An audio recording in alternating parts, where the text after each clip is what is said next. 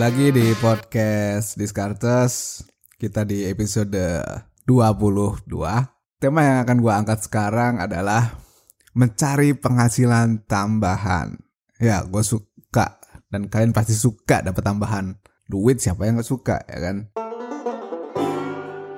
Buat teman-teman semua yang baru join ke podcast Discartes, ini adalah podcast tentang keuangan, investasi, ekonomi, dan bisnis di season kedua gue akan challenge, gue akan kulik ide-ide baik dari orang, dari buku, berita yang ada di sekeliling. Tapi pasti gue tambahin dengan ide dari gue sendiri. Kalau nggak gue tambahin, nggak ada gunanya podcast ini ada kan.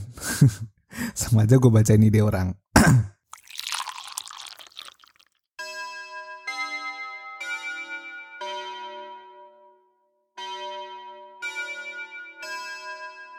Guys, adanya krisis udah ngasih kayak alarm buat kita menunjukkan bahwa semakin banyak source income yang kita punya itu sangat-sangat membantu.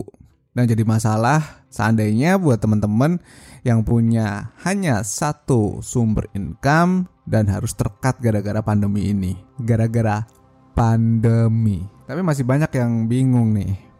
Masih banyak yang ragu. Masih banyak yang ngeluh Kenapa nyari tambahan itu susah? Konsepnya gini, kalau gampang, maka semua orang akan melakukan. Kalau semua orang melakukan, siapa nanti yang cuan?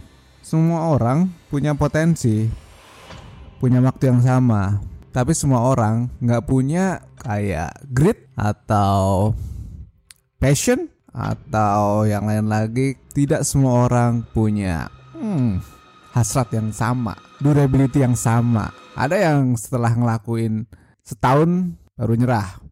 Ada yang ngelakuin lima tahun nggak nyerah-nyerah. Ada yang ngelakuin sehari langsung KO karena capek. Ada kan? Nah ini yang beda. Dengan modal yang sama, daya tahannya bisa beda.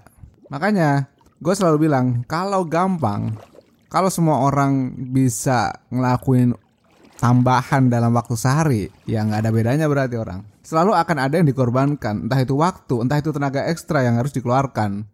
Harusnya bisa main sama anak, jadinya nggak bisa. Itu kan kelihatan beda tuh. Waktu sama anak loh. Waktu yang sangat-sangat precious. Tapi beberapa orang harus melakukannya karena mereka nggak hanya berpikir di saat ini, tapi nanti mesti gimana. Ada yang pernah nanya ke gue gini, mana sih kakanda yang lebih penting mencari uang atau mengelola uang? Mencari uang jelas penting. Tapi mengelola duit yang susah payah dicari, didapat juga nggak kalah penting. Harus dipertahankan itu uang hasil jerih payahnya. Jadi keduanya itu zona yang harus dijaga, yang harus dikejar. Nggak bisa kita perbandingkan dua hal yang baik kayak gitu kan? Masa kau pilih yang salah satu? Kalau income kurang, cari tambahan. Kalau sudah dapat, ya kelola yang benar. Kan gitu. Zona mencari uang, zona mengelola uang. Itu kan konsep basic orang biar survive. Kan gitu. Dan sejujurnya gue nggak suka nih kalau misalnya ada orang yang bilang gini, kok lu nyari duit terus sih? Kapan nikmati hidupnya? Well, untuk beberapa golongan orang, siapa tahu dia memang harus kayak gitu. Siapa tahu golongan itu butuh biaya besar. Misal, kalau misalnya papinya sakit, atau anaknya harus sekolah, atau suaminya lagi luka, lagi di rumah sakit sehingga nggak bisa cari kerja. Banyak banget. Gue ada temen yang dari SMA, dia harus bersihin sepatu. Gue ada temen yang lain dari kuliah sebelumnya keluarga berada akhirnya harus jadi SPG dan cerita itu nggak hanya satu dua orang. Banyak banget cerita kayak gitu. Makanya jangan pernah bilang ke orang kok lu kerja terus? Loh emangnya yang ngomong kayak gitu siap cukupin kebutuhan? Kan enggak orang-orang yang hanya menyumbang penderitaan tapi nggak menyumbang solusi. Hmm. Jangan mau jadi kayak gitu. Kalau misalnya buat teman-teman yang nggak ngejar tambahan juga nggak masalah. Income yang cukup kan sederhananya sudah mencangkup spending plus unsur ketidakpastian ya kan. Jadi kalau misalnya spendingnya sebulan 5 juta, terus unsur ketidakpastiannya let's say 10% 500 ribu, dihitung-hitung income yang dipunya 6 juta per bulan udah cukup, berasa cukup ya udah nggak apa-apa gitu. It's okay. Terus gue mau ingetin juga nih, karena sifatnya tambahan, jangan merasa terbebani. Pernah gue tulis gini, kalau nggak bisa jual otak, masih ada tenaga. Kalau nggak ada tenaga, berarti harus mikir pakai otak. Terus inget nih, keduanya itu butuh waktu. Ada kemungkinan gagal, itu udah pasti. Apalagi di saat-saat pertama, gue jamin lu gagal. Jaminannya jelek, tapi ulangin lagi aja ya. Nah, terus sekarang kita masuk nih. Bagaimana cara mulai mencari dana tambahan? Pertama, apa sih yang kamu sukai? Kalau lu suka hal-hal yang sifatnya adrenalin gitu, coba kita berpikir ke sana. Gini konsepnya. Karena main job kita yang dikerjakan sehari-hari itu kan ada dan sebagian besar bukan karena hobi. So, untuk yang sifatnya penghasilan tambahan, kita mulai dari hobi aja. Kalau misalnya seperti itu, lu nggak akan ngerasa terpaksa. Toh, lu ngerjainnya dengan sukacita gitu kan, dengan happy, dengan senyum-senyum kayak orang gila gitu. Misal saja nih ya, demen gambar, lu suka banget gambar. Di kantor kerjaannya nggak ada hubungannya sama gambar. Ya udah cari side hustle lain, melukis misalnya, bikin desain misalnya, atau apa pun itu. Manfaati media yang ada. Instagram, YouTube, manfaatin. Gue ada teman, gue cerita teman lagi nih ya. Dia suka banget gambar, cewek. Di kantor dia nggak ada kerjaan soal gambar. Terus salah satu kerjaan dia adalah melukis untuk orang-orang yang mau menikah. Jadi dia bikin medianya lewat kertas dan sebagainya. Terus promosinya lewat Instagram.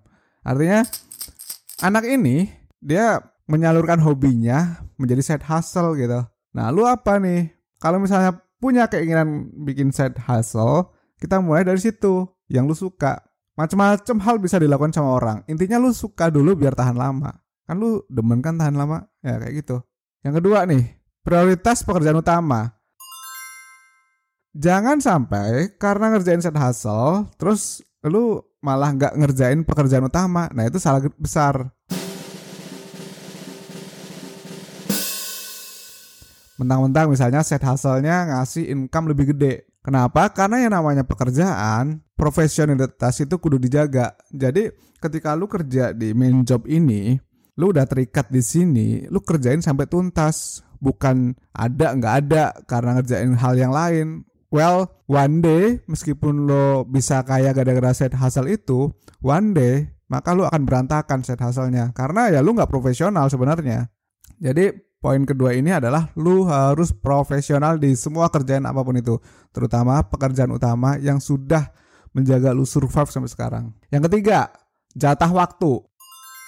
Baik menjual barang ataupun jasa, kalau ngerjain set hustle ini itu ada jatah waktunya. Dan kemungkinan besar nih ya, nggak akan sebanyak kerjaan utama. Misalnya gini, pekerjaan utama lu itu 9 to 5. Jadi kerja jam 9 sampai jam 5, Senin sampai Jumat gitu. Sekarang kita coba visualisasikan berapa jam sih yang sebenarnya lu siapkan untuk si side hustle ini. Jadi kombonya kelihatan ya. Sebuah pekerjaan yang kita bisa lakukan untuk side hustle adalah happy dan waktunya pas. Kalau maksain ngerjain sesuatu, padahal pas kita visualisasikan itu waktunya nggak pas, malah itu akan jadi masalah besar nantinya. Bisa rugi nanti. Jadi masalah waktu ini benar-benar harus rigid, harus diperhatikan. Oke, okay? perhatiin itu.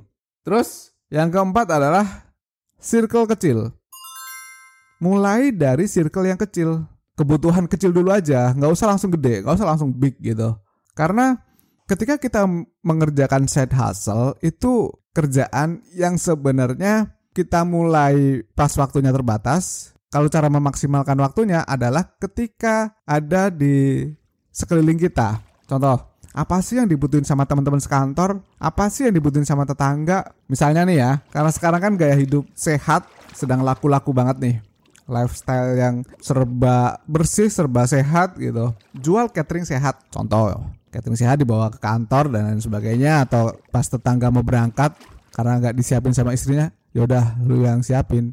Tapi siapin cateringnya yang sehat gitu. Biar dibawa sama tetangga kantor. Atau apa kek gitu. Artinya circle kecil lo itu siapa aja sih? Temen kantor kah? Tetangga kah? Daripada lo gibah yang gak jelas lu tawarin aja dagangan lo bisa.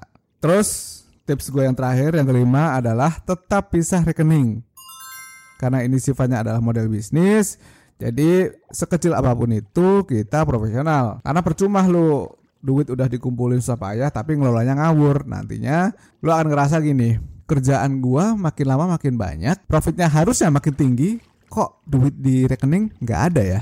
Nah artinya tetap itu perlu dipisahkan rekening buat si side hustle itu buat tambahan pekerjaan tadi. Oke, itu yang bisa gue sampaikan di podcast Discartes sekarang. Mudah-mudahan kita jumpa lagi di podcast yang lebih keren nanti di podcast Discartes episode selanjutnya. Thank you and bye bye.